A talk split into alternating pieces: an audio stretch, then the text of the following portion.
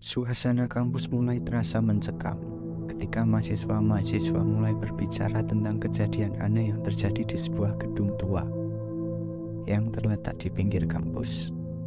Berapa mahasiswa yang pernah berani masuk ke dalam gedung tersebut menceritakan tentang suara-suara aneh yang terdengar, bau-bau yang tidak sedap, serta bayangan-bayangan yang sering muncul di dinding. Satu malam sekelompok mahasiswa memutuskan untuk melakukan eksplorasi ke dalam gedung tersebut. Mereka memasuki gedung dan segera merasakan atmosfer yang mencekam. Di dalam gedung itu, mereka menemukan beberapa ruangan yang terlihat sudah lama tidak digunakan. Ada banyak sampah dan debu yang menumpuk di setiap sudut ruangan. Namun, ketika mereka memasuki ruangan paling dalam, mereka melihat sesosok bayangan hitam yang berdiri di tengah ruangan.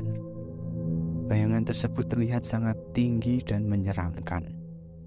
Salah satu mahasiswa berusaha untuk mengambil gambar dengan kamera ponselnya.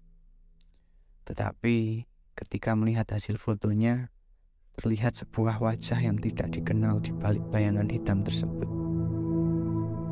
Mahasiswa-mahasiswa tersebut panik dan segera berlari keluar gedung Ternyata mereka tidak sendiri di dalam gedung itu.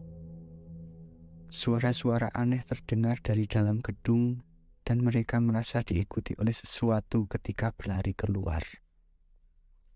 Sejak saat itu, gedung itu menjadi tempat yang dihindari oleh mahasiswa kampus. Namun, beberapa mahasiswa yang sangat ingin tahu dan nekat tetap mencoba memasuki gedung itu. Hingga kini, belum ada yang bisa menemukan jawaban tentang apa yang sebenarnya terjadi di dalam gedung itu.